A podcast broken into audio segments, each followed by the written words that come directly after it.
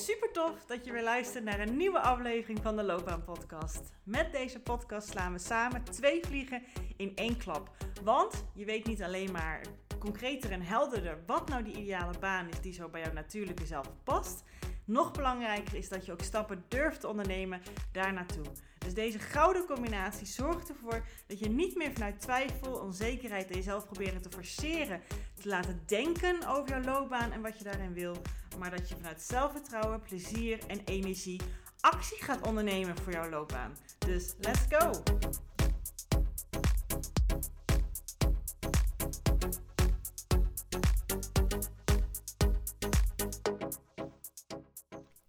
Ja, daar ben ik weer. ja, dit is alweer aflevering 4 van deze bonusreeks van de Loopbaan Podcast. Die gaat over het thema geld. En deze aflevering is geïnspireerd door input die ik kreeg uh, vanuit mijn Instagram-kanaal, vanuit toevallig van een klant van mij, die dit aangaf. En um, ja, ik gooi dan even natuurlijk mijn eigen sausje overheen. En de titel is natuurlijk de hoogte van jouw salaris of als je, de meeste mensen die, die deze podcast luisteren, die werken in loondienst. Hè, maar mocht je een eigen bedrijf hebben, dan gaat natuurlijk de hoogte van jouw omzet of winst, jouw winst eigenlijk, hangt hiervan af.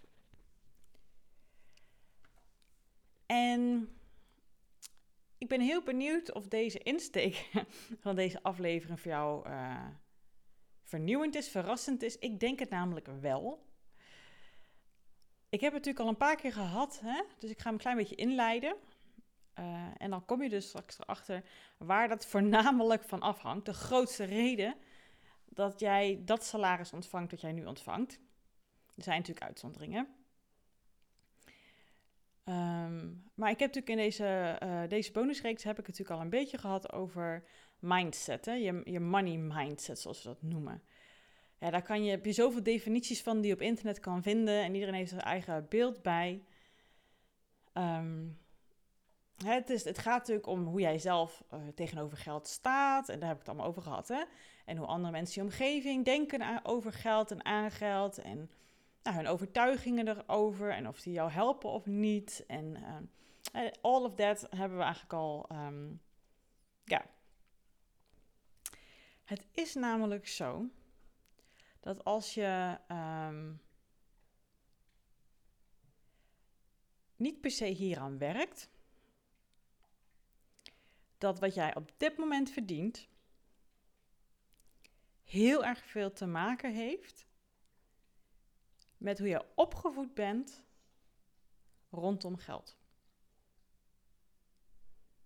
Dus ook wat jouw ouders verdienden en hoe jouw omgeving van waar jij, hè, vanuit jouw gezin waar jij vandaan komt, hoe die met geld omgingen, onbewust neem je dat mee. En onbewust verwacht je een bepaald soort salaris te krijgen. Als er vroeger heel makkelijk met geld omgegaan werd, dan is het heel vaak zo dat jij dat of helemaal overneemt, omdat je denkt, ja, geld zal er altijd zijn, uh, het wordt wel weer aangevuld, uh, ik kan er gewoon lekker mee doen wat ik wil. Of het is vaak een tegenreactie erop, hè, dat je juist heel erg zorgvuldig bent omgegaan met geld, omdat je er wat van vond, hoe mensen in je omgeving ermee omgingen. Het is vaak het een of het ander, maar beide reacties, beide manieren van hiermee omgaan, bepaalt hoe jij met geld omgaat en hoe jij nu verdient wat jij verdient. Letterlijk hier als uh, geld, als salaris op jouw bankrekening. Dus als het nog een nieuw fenomeen voor jou is, is dat best wel eens interessant als jij hier nog niet eerder op gewerkt hebt, naar gekeken hebt. Als jij denkt, ja, ik verdien nu iets, maar ik vind eigenlijk dat ik meer verdien. Onbewust verwacht jij dat zo'n bedrag. En het is ook, hoe ga jij nu zelf met geld om? En wat zegt dat ook weer over het geld dat je krijgt? Dus dat zijn twee dingen die in deze aflevering centraal staan. Laat ik eens in de eerste duiken. Ik weet wat mijn ouders verdienden vroeger. En dat was ook eigenlijk hoe ik keek nadat je ongeveer zou kunnen verdienen voor geld. Ik hoorde natuurlijk wel collega's of, of uh, um, ooms en tantes, die hadden een ander werk. Maar je gaat natuurlijk vaak niet allemaal bedragen over tafel gooien. Maar dan, dan word je daarmee opgevoed. Hè? Je wordt opgevoed met hoe jouw ouders, um, ja, hoe, hoe breed of niet breed ze leefden. Hoe zij, wat zij van hun salaris vonden. Er werd er heel veel over geld gepraat. Ik weet nog bijvoorbeeld heel goed dat mijn ouders hebben namelijk een periode gehad waar het wat minder ging. En dat is dat gedrag wat ze toen vertoonden, toen het wat minder ging, hebben ze eigenlijk heel, heel de tijd dat ik volgens mij, nou ja, merendeels van de tijd dat ik thuis woonde, doorgezet. van die uh, boterpakjes waar dan de zegeltjes afgeknipt worden, de krantenactiebonnen die je kan inleveren, alle, alle uh, brochures die werden doorgebladerd en alle, alleen dat werd gekocht. Weet je, iedere keer als ik de koelkast open deze had overal wel een sticker op. Of uh, actie dit, of twee voor de prijs van één. Of, en dan had ik heel erg zin in één, iets op mijn brood of, of in mijn yoghurt. En, en dat, ja, dat was er niet, want dat was niet in de aanbieding. En ik vertelde niet om zielig te doen of hier iets mee te zeggen, om het af te keuren. Absoluut niet. Maar zo was ik ook toen ik uh, voor het ging samenwonen met Bas. Ik ging er ook constant naar kijken. Ik kocht uh, alles uit de foldertjes. Ik, uh, nou, ik was dan niet van de boterkuipjes zegelen, zegels afknippen, want daar waren mijn ouders op een moment mee gestopt. Toen het al lang niet meer nodig was, ging mijn moeder er gewoon mee door. En mijn man is heel erg anders financieel opgevoed. En hier is niks goed of fout. Het is alleen interessant om eens te kijken, hey, wat ken ik van vroeger? Wat is die soort van blauwdruk, hoe je dat kan noemen? Wat ik eigenlijk meegekregen heb van mijn omgeving, van mijn ouders. En hoe leef ik daar naar? Hoe onbewust houdt mij dat nog in zijn of haar greep? Want als je verwacht dat je een bepaald soort salaris gaat verdienen, dan krijg je dat vaak ook. Even afhankelijk van of je waar jij werkt, of dat met bepaalde schalen en cao's werkt en zo. En nog daarbinnen heb je ruimtes. Want ik ken ook iemand die daar werken ze met schalen en uh, traders en dat soort dingen. En toch hebben ze voor die persoon, ik heb er meerdere trouwens, uitzonderingen voor gemaakt. Dus dat zegt niet altijd wat. Dus als je eens gaat nadenken over niet per se hoe het nu gaat bij de mensen waar jij mee opgegroeid bent, maar hoe het toen was toen jij klein was, wat heb jij meegekregen? Wat was de blauwdruk over geld en salaris en uitgeven van dat geld of um, sparen, rood staan. Uh, uh, ja, wat uh, was, merkte je dat op een gegeven moment voordat het salaris kwam thuis, dat het een beetje beknippelen werd of niet? Uh, werd er gelijk als salaris binnenkwam een groot feest gegeven. Werd er heel veel nadruk gelegd op wat je hebt, mag je alleen maar uitgeven. Ehm, of was lenen heel, heel normaal? Wat was de mentaliteit en wat was de omgang met geld toen jij nog jong was? Want onbewust of bewust, hè, wederom, je kan er een reactie op over uh, hebben overgenomen. Of je kan denken, nou dat vind ik heel fijn hoe mijn ouders het gedaan hebben, dat doe ik nu ook.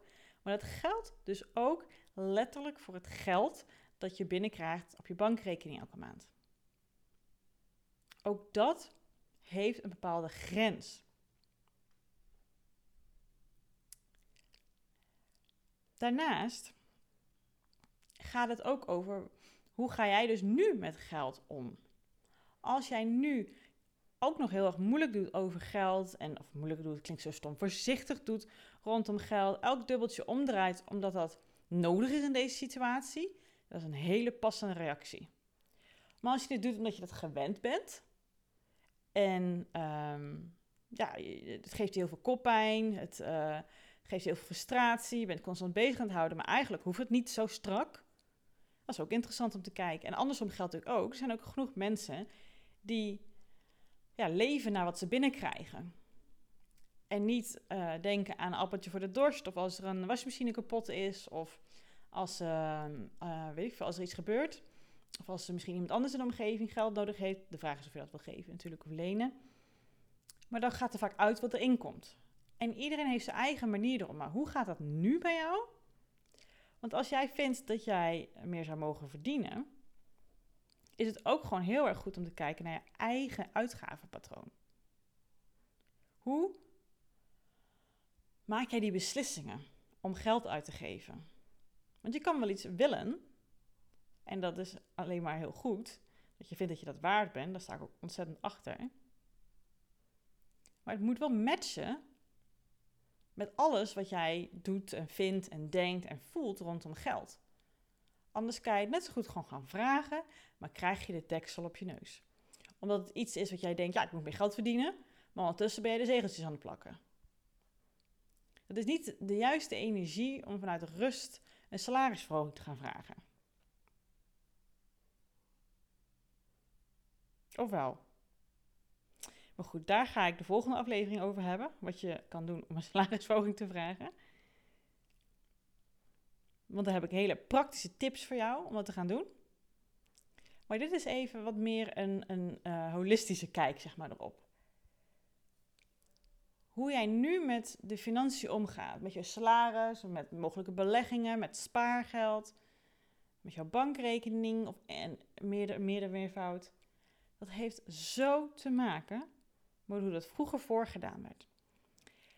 En ik benoem dit nu rondom het thema financiën. Maar ik pak hem even breder, want dit geldt met heel veel dingen zo. Ik heb het eigenlijk niet, het thema geld komt niet echt veel voor in de loopbaanbegeleiding die ik bied. Maar het is natuurlijk wel, hè, wat vind je dat je waard bent en kan je erom durven vragen. En kan je ook in onderhandelingen bij een sollicitatiegesprek, soms komen die vragen aan het einde van het nog wel eens naar boven. Maar het is met zoveel natuurlijk. Hè. Alles wat je ouders jou voordeden en ook wat tussen de regels heel veel gebeurde, wat jij als kind hebt opgepikt. Daarom heb ik het over het onbewust stukje. Dat als je daar nog niet zelf onder loep hebt genomen of daar je eigen kijk op hebt gegeven, je eigen draai aan hebt gegeven of nieuwe ervaringen op dat gebied hebt opgedaan, dan zit het nog steeds in diezelfde blauwdruk als je ouders. En dan is de vraag aan jou: ben je daar blij mee? Vind je dat prettig? Is dat wat jij ook zou willen? Ja, dat is natuurlijk gewoon de vraag. Hè? dan kan je natuurlijk zeggen: ja, iedereen wil meer geld. Ja, oké, dat is waar, dat zou best eens kunnen. Maar als je het scheef vindt, als je het voelt als scheef en je wil graag daar wat aan doen, dan is het dus eerst nuttig om eens te kijken wat je relatie op dit moment met geld is en van wie is die eigenlijk. Is die echt van jou of lijkt die verdraaid veel op één of allebei je ouders of een tegenreactie daarop? En dan kan je zeggen, ja, dat heb ik eraan als ik dat weet. Nou, dan ben je in ieder geval bewust van wat eerst onbewust was. En dan kan je dan eens kijken, dient mij dit? Geloof ik er zelf in? Is dit wat ik graag zo, hè, wat, wat, wat, me helpt voor mij dat ik hierin geloof? Um, wat zegt het over mij? Heeft het met waarden die ik naar mezelf toe-eigen of niet? Hmm. Dat zijn gewoon hele um, handige vragen om jezelf dan af te stellen, af te, af te vragen. Voordat je actie gaat ondernemen om iets eraan te veranderen. Want ook al zou je dan gaan solliciteren ergens anders, dan kom je toch om en nabij op hetzelfde bedrag uit. Dat garandeer ik je.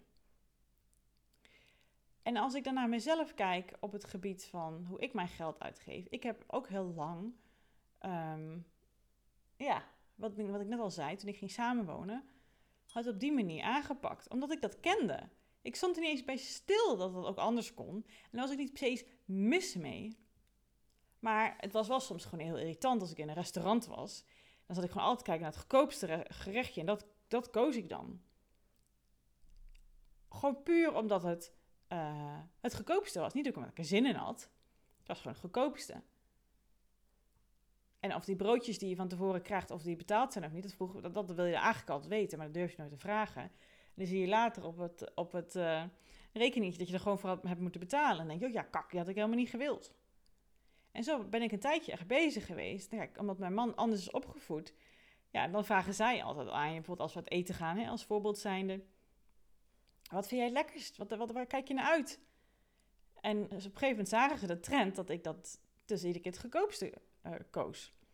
En toen zeiden ze, waarom doe je dat Judith? Jij verdient u nog gewoon zelf. Jullie hebben allebei geen kinderen, je hebt een huurhuis. Die is helemaal niet zo... Uh, nou, dat was natuurlijk voor alle gedoe met de huurprijzen en de uh, ja, prijzen van huizen we hadden gewoon een hartstikke lekker leventje. We, hadden gewoon, we kunnen gewoon best iets kiezen wat 2, 3 euro duurder is per gerecht, zeg maar, snap je?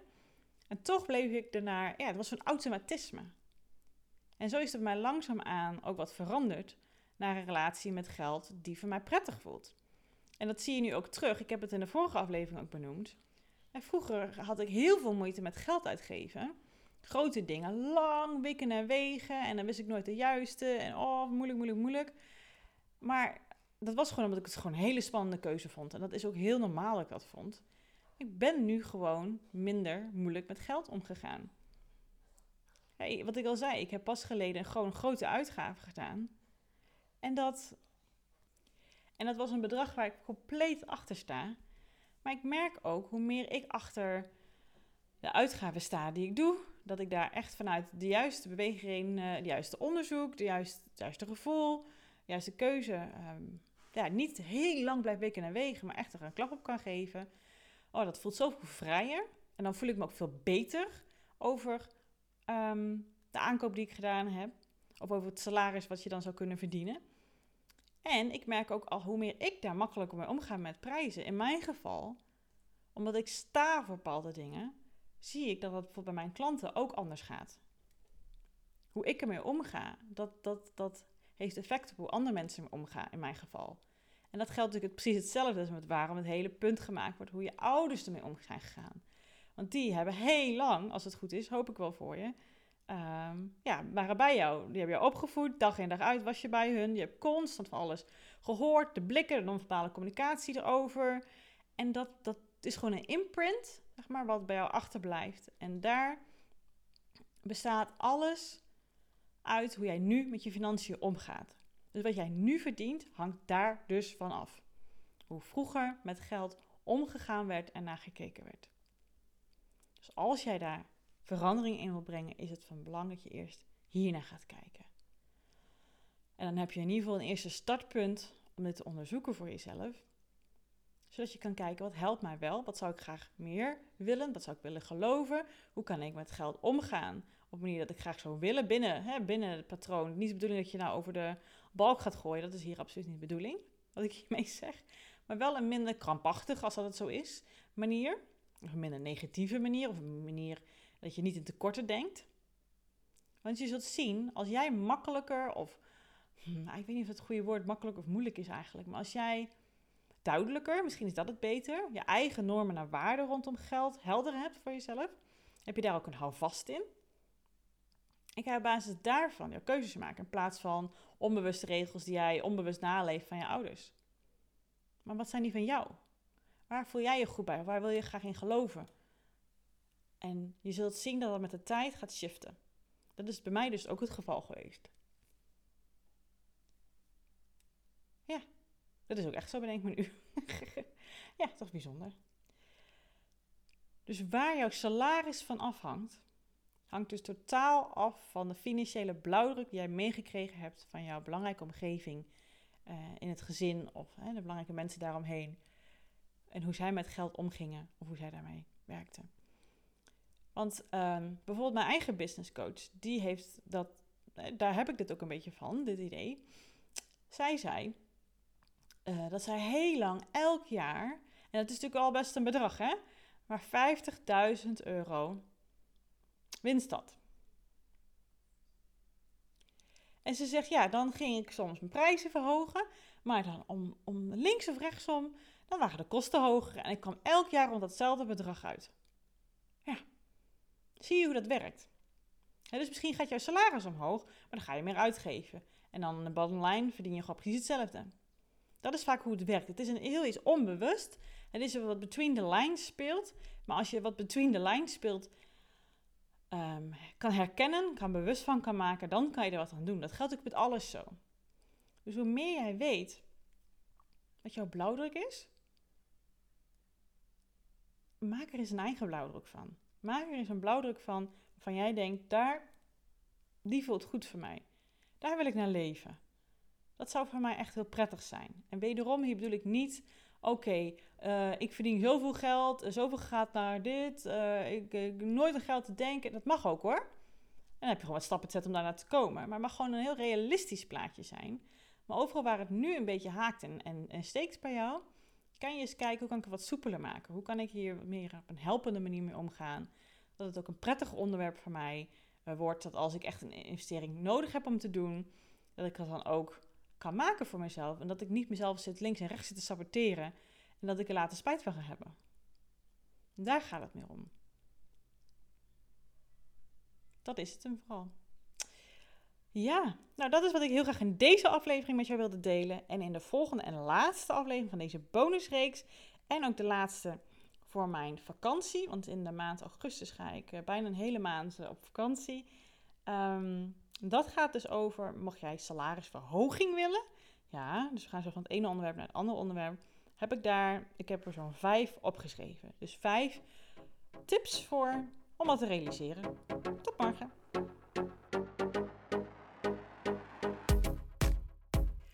Geweldig dat je deze episode hebt geluisterd om meer regie over jezelf en je loopbaan te nemen. En ben je dan ook eens ready for the next step? Dan kan je een gratis check-up gesprek inplannen in mijn agenda. Want in dit gesprek kan je al jouw persoonlijke vragen en strubbelingen met mij delen, zodat ik er met jou mee kan denken en kan sparren met jou. Nou, dat doe je door als eerste naar www.keuzeflow.nl/slash checkup te gaan.